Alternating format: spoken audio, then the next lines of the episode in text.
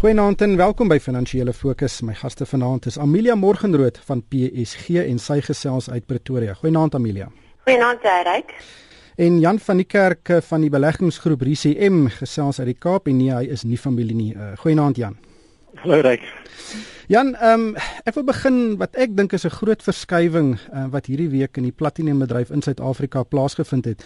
Met Anglo American Platinum het sy uh, myne in die Rustenburg area aan Sibanye Gold verkoop in 'n baie interessante transaksie waar hulle op die korttermyn risiko gaan deel. Nou hierdie myne is tans nie mins winsgewend nie weens onder meer die lae kommoditeitspryse, maar dit is die eerste oorname wat uh, Neil Vrouneman van Sibanye Gold doen, dink jy hy kan of soos hy meer algemeen in die bedryf bekend staan as Mr Fixit, kan hy myne omdraai?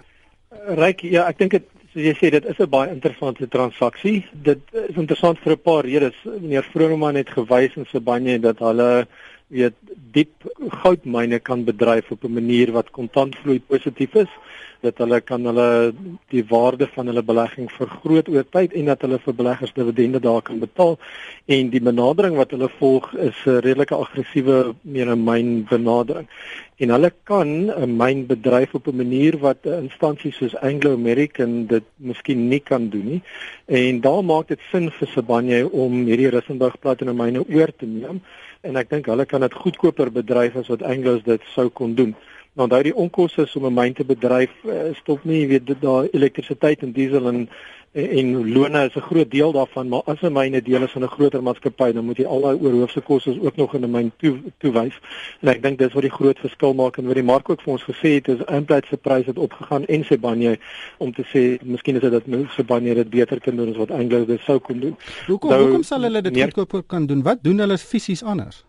Ek dink daar's twee goed. Anglo Plat as deel van 'n Londen genoteerde internasionale mynmaatskappy moet 10 teen 1 aanhou om kapitaalbelegging te maak in hulle myne hmm. en seker te maak dat hulle die die verwagte lewe van die myn die heeltyd verhoog. So dit beteken jy spandeer vandag geld op jou myn en jou skagte vir produksie wat 20 jaar in die pad af gaan gebeur. Terwyl meneer Vroneman en sy span gaan 10 teen 1 sê kom ons haal genoeg metaal uit die grond uit. Dit maak seker dat ons vir die volgende 3 jaar dit in die hande kan kry en dit kan verkoop en ons spandeer nie soveel geld op groei kapitaal nie of capex nie. So ek dink dis fisies wat vir die verskil maak en die ander ding is hulle sal 10 teen 1 gaan vir die rykste deposito's in die spesifieke skagte om seker te maak dat hulle hulle opbrengste beter is. Hmm. Amelia, hoe, sien jy hierdie transaksie? Um, dis baie interessant, Ryk. Ek het bietjie daardeur gewerk en so aan. Ek dink ek is nou nie so groot kenner soos Jan op op hierdie op hierdie gebied nie en uh, van hierdie maatskappye nie. Maar ek het net vroeër gepraat en ek het ek is nie 'n groot aanhanger van goud of platinum op hierdie stadium nie. Syfer vir my gaan dit daaroor dat die metaal se prys, die die metaal wat alles wat wat wat hulle winsgewendheid in 'n groot mate bepaal is so onvoorspelbaar en aan die een kant is daar die hulle goudbedrywighede en dan ook platinum. Dit platinum is toenemend 'n metaal in my oë wat uh, aansien afneem soos wat tegnologie verander en ek dink die hele landskap van motors gaan in 10 jaar soveel anders lyk as wat dit nou is. Ek dink mense onderskat dit 'n bietjie en ek dink platinum gaan nie meer so 'n belangrike rol speel nie. Ja, so ek sien hy's baie ehm um, Neil Froneman is geweldig optimisties oor die platinum prys. Hy praat daarvan dat hy dit eerder sien nader na 1400 dollar en dat hy dink dit kan goed herstel. Ja, dit is natuurlik dit is ook vir interpretasie. Ek ek persoonlik deel nie daardie sentiment nie. Ja, en ek het ook gekyk na die manier hoe hulle die transaksie aan mekaar gesit het. Kyk, mense kan sien dat hy is 'n 'n bewese besigheidsman. Hy ken die industrie baie baie goed. Ek dink as enige iemand daardie platinum bates kan neem en omdraai in 'n meer in 'n winsgewende situasie en is dit waarskynlik hy is waarskynlik die een in Suid-Afrika wat suits kan regkry hy het vir een of ander rede nogal lyk like vir my veral met jou met die laer koste ehm um, of die laer die die die uh, onwinsgewende myne en baie diep myne en moeilike myne het hy baie sukses sover ja. uh, bereik en gewys dat hy dit nogal kan doen. Ja, so ek dink ehm um, dis en ek ek, ek vind dit ook interessant die manier hoe hulle die betaling van die bates struktureer ek dink dis dis positief goed vir Sibanye. Ja, hulle deel daai risiko maar, maar Jan, weet president uh, Jacob Zuma het ook hierdie week weer gesels oor die probleme in die mynbedryf en hy het gesê daar moet 'n oplossing kom. Weet dit is regtig in Suid-Afrika se belang dat ons 'n gesonder gesonder eerder uh, as gesonde uh, mynbedryf sien. En hy het gesê 'n derde van die goudmynbedryf is tans nie winsgewend nie en uh, naby aan 40% van platinum myne bloei. Deel jy daai sentiment? Ja, ek dink dis nie sentimentie, dis feite. En onthou, weet die moeilike deel vir enigiemand in die mynbedryf is, weet, dit is nie enigiets spesifiek tot Suid-Afrika tot 'n groot mate nie. Die die pryse van kommoditeite word internasionaal bepaal en die onkoste om jou uh, metale uit die grond uit te haal deur 'n termyn is afhangende van jou geologie. Dit hang af van waar jou deposito's is en hoe duur dit is om dit daar uit te kry.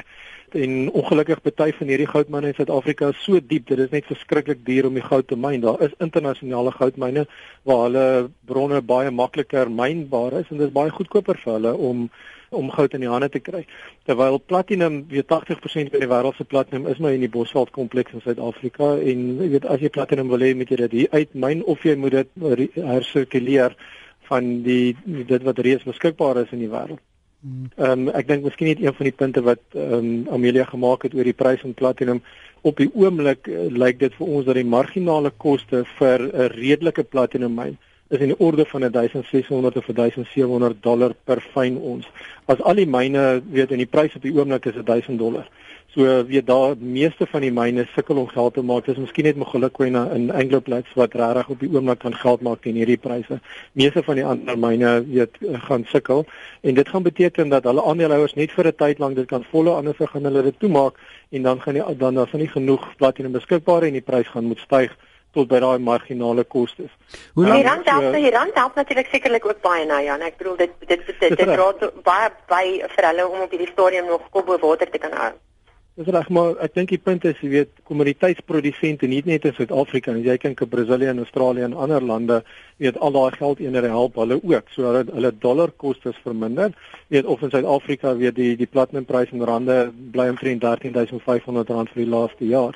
So die die geldeenheid kan miskien daai myne help. Maar Jan, hoe lank kan daai myne nog uithou? Um, ons het verlede jaar gesien met die platinum staking dat daar was 'n bietjie voorraad uh, in die kluis, um, maar daai voorraad moet seker op 'n stadium opraak. Uh, hoe lank dink jy kan die myne nog hierdie tipe van kommoditeitspryse absorbeer? Ek dink dit raak baie duidelik dat uh weet van die myne kan dit nie meer doen nie. Ek dink Lonmin is 'n is 'n myn wat vir jou redelik duidelik sê hulle kapitaal is min. So iemand gaan vir hulle met kapitaal voorsien of die aandeelhouers moet meer geld insit of hulle gaan geld by 'n bank moet leen en dit lyk of die banke nie vir hulle meer geld wil leen nie. So weet die die die die myne kan aanhou solank as wat hulle hulle belangehouers bereid is om kapitaal in te sit. Sodra die eerste ons besluit om dit nie te doen nie en jy kry 'n skag of 2 of 3 wat toemaak ek dink dan jy dan behoort die pryse begin verander. Hmm. Amelia nog 'n taamlike groot storie van die week was die kredietgraderingsagentskap Fitch wat uh, gaan onttrek uit Suid-Afrika. Fitch het gesê hy onttrek omdat dit uh, nie vir hom moeite werd is om in Suid-Afrika 'n kantoor te hê nie. Um, dis nie vir hom winsgewend genoeg nie. Baie mense het gesê dit is nogal baie negatief dat 'n graderingsagentskap uit Suid-Afrika onttrek. Hoe lees jy daai uh, situasie? Ja, dit is met gemengde gevoelens wat ek dit gelees het. Ryk aanvanklik die eerste berig wat ek daaroor gelees het, het ek verstaan dat ehm um, die rede waarom hulle onttrek was nie omdat dit vir nie vir hulle winsgewend is nie, maar dit het gegaan oor 'n tegniese punt rondom die wettigheid of die uh, dit was onduidelik presies vir my wat die rede was. En soos wat die dit aangegaan het, aanvanklik het ek gedink dat hulle net hulle kantoor hier gesluit, maar dat hulle nog steeds gaan voortgaan om kredietgraderings te gee, maar later het dit duidelik geraak van die FSB se kant af dat hulle registrasie totaal en al gekanselleer is vir weet van Fitch ehm um, Suidelike Afrika en dat hierdie versoek gekom het van Fitch self om hierdie registrasie te kanselleer en dat hulle glad nie enigstens verder enige verdere kredietgraderings gaan uitreik vir regulatoriese doeleindes in Suid-Afrika nie dat die huidige gradering slegs van toepassing gaan wees vir die volgende nog vir die, vir 'n periode van 4 maande net om net te verseker dat daar finansiële stabiliteit is. Ja, so dis dis nogal interessant en mense wonder daaroor en ek dink wat ek tussen die lyne lees is daar's iets daar moet 'n ander rede wees daarvoor. Ek kan ek die redes wat hulle gee maak nie vir my baie sin nie. Hmm. So ek wonder of daar nie agter nog ander goeders is wat dalk later gaan uitkom oor presies hoekom dit gebeur het. Jan, dink jy is daar skuil iets anders agter hierdie besluit as geld? Ja, ek moet met Amelia saamstem. Ek dink jy gaan nog iets uitkom in die volgende paar weke sodat ons kan verstaan hoekom dit gebeur het. Die besigheidsmodel van 'n graderingsagentskap is eintlik 'n wonderlike besigheidsmodel. So ek kan nie dink dat dit vir finansiële redes kan wees nie. Nee, um, so ek dink daar's iets anders wat wat moet uitkom. Hmm. Maar kom ons gesels 'n bietjie oor die graderingsagentskappe. Weet 'n afwaartse gradering hang soos 'n 'n swaard oor ons koppe. Um en en van die graderingsagentskappe het juis hierdie week Brasilië se kredietgradering afwaarts aangepas tot uh, die sogenaamde junk of gemors status. Suid-Afrika is op die rand van daai status. Uh, Jan, hoe dink jy gaan die huidige ekonomiese situasie in Suid-Afrika ons kan weghou van 'n uh, afgradering na 'n gemors status toe? Ja, ek reik weens net op 'n internasionale basis. Ek dink Suid-Afrika as 'n ekonomie ervaar baie van wat internasionaal gebeur met ander kommoditeits um, swaar ontleikende markte is. So jammer vir dit is buite ons beheer. Uh, weet ons regering het hulle deel gedoen om by te dra tot die swak status van ons um, regeringsfinansies oor die afgelope 5 jaar of so. Um, maar Suid-Afrika vir baie jare weet was nie beleggingskrediet um, uh, gradeer uh, nie. Dit was eers in 2005 wat ons as 'n land weet by al drie die graderingsagentskappe die sogenaamde investment grade rating gekry het. Nie so ons is ingesluit of weggeskuif van uh, junk bond status en weet baie van hierdie gradering is maar meganismies. Hulle kyk na uh, eh, BBP groei, hulle kyk na hoeveel skuld jy staanheid het, hulle kyk na die volatiliteit van die uh, jou valuta en so aan. En ek dink weet tot 'n mate is dit nie 'n oordeel wat die ouens moet val nie. Hulle moet maar hulle modelle volg. So jy kan redelik maar na net goed kyk en sien wat met die gradering gaan gebeur en ek dink is redelik duidelik dat dit dinge nie vinnig omdraai nie. Suid-Afrika sy status gaan verloor. Uh die negatiewe deel daarvan is as ons in 'n ander graderingsklas val, dan beteken dit uh, wanneer ons regering geld wil leen, moet hulle meer betaal in rente vir wanneer hulle daai geld leen en dit is negatief vir die hele land. So dit reflekteer dan weet dit dit 'n direkte impak op op ons almal. Hmm. Ehm um, Amelia die tyd haal ons in. Ek wil vinnig gesels oor twee uh, maatskappye resultate wat hierdie week aangekondig is. Is twee maatskappye waarvan ek baie hou. Sasol is die eerste, sy wesensverdienste was af met 17%, maar uh, David Constable, weet dis nou die uitvoerende hoof wat ook nog gaan uittreë, het het reg benadruk dat hulle gaan voortgaan om 'n geweldige hoeveelheid geld in in kapitale projekte te belê, onder andere daai groot fabriek wat hulle opsit in Amerika.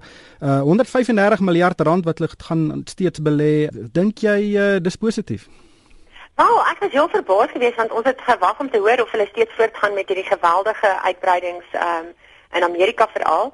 Ehm um, en hulle het hulle verbintenis gegee dat hulle van plan is om 135 miljard rand te spandeer oor die volgende 2 jaar om hulle operasies in Amerika en dan ook in Suid-Afrika ehm um, uit te brei. In Suid-Afrika is uh, omtrent 'n kwart van hierdie geld ge geoormerk vir uitbreiding in Suid-Afrika.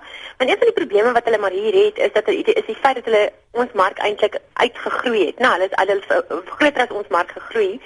En baie van die produkte wat hulle maak, is hulle gewoonlik die enigste of die grootste produsent daarvan. En dan elke keer as hulle sien maar nog groter wil gaan of oornames wil ehm um, doen, dan kom hulle en dan dan gaan hulle natuurlik op aan kop met die kompetisie owerhede. Ja, so hulle het eintlik nie keuse nie, hulle moet maar buite Suid-Afrika uitbrei en hulle is van plan om voort te gaan met daai Amerikaanse projek in Louisiana. En daar's blykbaar vyf uh, ander groot Amerikaanse uh, produsente wat ook groot in hierdie etaan wel ek ek ek, ek hoop ek spreek dit reg uit etaan brekers um, belê en dat hulle nog steeds groot geleenthede sien daar. Nou kyk, die oliepryse het 'n effek op op Sasol natuurlik, maar die effek daarvan is nie so groot nie omdat hulle ook betrokke is met baie ander produkte. Ehm um, en hulle voel nie daai volle effek wat baie van die ander ehm um, petrochemiese maatskappye het as gevolg van die laer wêreldwye olie oliepryse nie. Hmm. Ja, hulle is natuurlik mos soos ek sê baie betrokke in met mynbou ook vervaardiging ander ehm um, chemikalieë so en hulle het ook 'n baie suksesvolle dryf gehad om hulle kostes te sny. Ehm um, en dit ek dink dit plaas hulle ook in 'n baie goeie posisie van hier af vorentoe ja. om hierdie met hierdie uitbreidings voort te gaan. Ja, dis verwaar ook 'n aandeel wat baie ver uh, weet geval het en dalk nodig is om om hom bietjie dop te hou. Ehm um, Janet uh, laastens Discovery is ook 'n maatskappy waarvan ek hou is regtig 'n innoverende groep. Uh, die groep het aangekondig sy winste was met 17% op en hy het verskeie nuwe innoverende planne aangekondig onder meer dat hy 'n volledige kleinhandelsbank wil begin om die groot vier in Suid-Afrika aan te vat. Uh, Dink jy hulle kan dit doen? Ja, ek dink as daar as daar een maatskappy is vir wie mens krediet moet gee om dit reg te kry, dan dink ek dis Discovery, uh, Capitec en die PSG groep het reeds gewys dat dit gedoen kan word. En ek dink jy weet in bankwese uh as jy van nuut begin vandag het jy tegnologiese voordeel so dit beteken jou onkoste om jou besigheid te bedryf um, kan kan jou wat laer wees. So ons weet dat Discovery reeds baie suksesvol was met hulle kredietkaart wat eers 'n saamwerk ooreenkoms met uh, Eerste Nasionale Bank was en uiteindelik het hulle die hele besigheid oorgekoop. So ek dink hulle hulle het 'n goeie kans om dit te doen. Uh dis ook interessant dat Discovery net so Sasol voortgaan om groot beleggings te maak buite Suid-Afrika en ek dink Amelia se punt weet is die besigheid het baie groot geraak vir die Suid-Afrikaanse ekonomie, maar ek dink baie besigheidsmense vandag sukkel om te sien dat daar betekenisvolle groei potensiaal in Suid-Afrika gaan wees en daarom sal hulle eerder kapitaal in die buiteland lê. Dis natuurlik 'n tema vir die vir die hele privaat sektor op die oomblik vir al die groot maatskappye. Maar ongelukkig hierdie tyd ons ingehaal baie dankie aan Amelia Morgenrood van PSG en Jan van die Kerk van RCM en van my ryk van die kerk. Dankie vir die saamluister en ek koop almal 'n winsgewende week.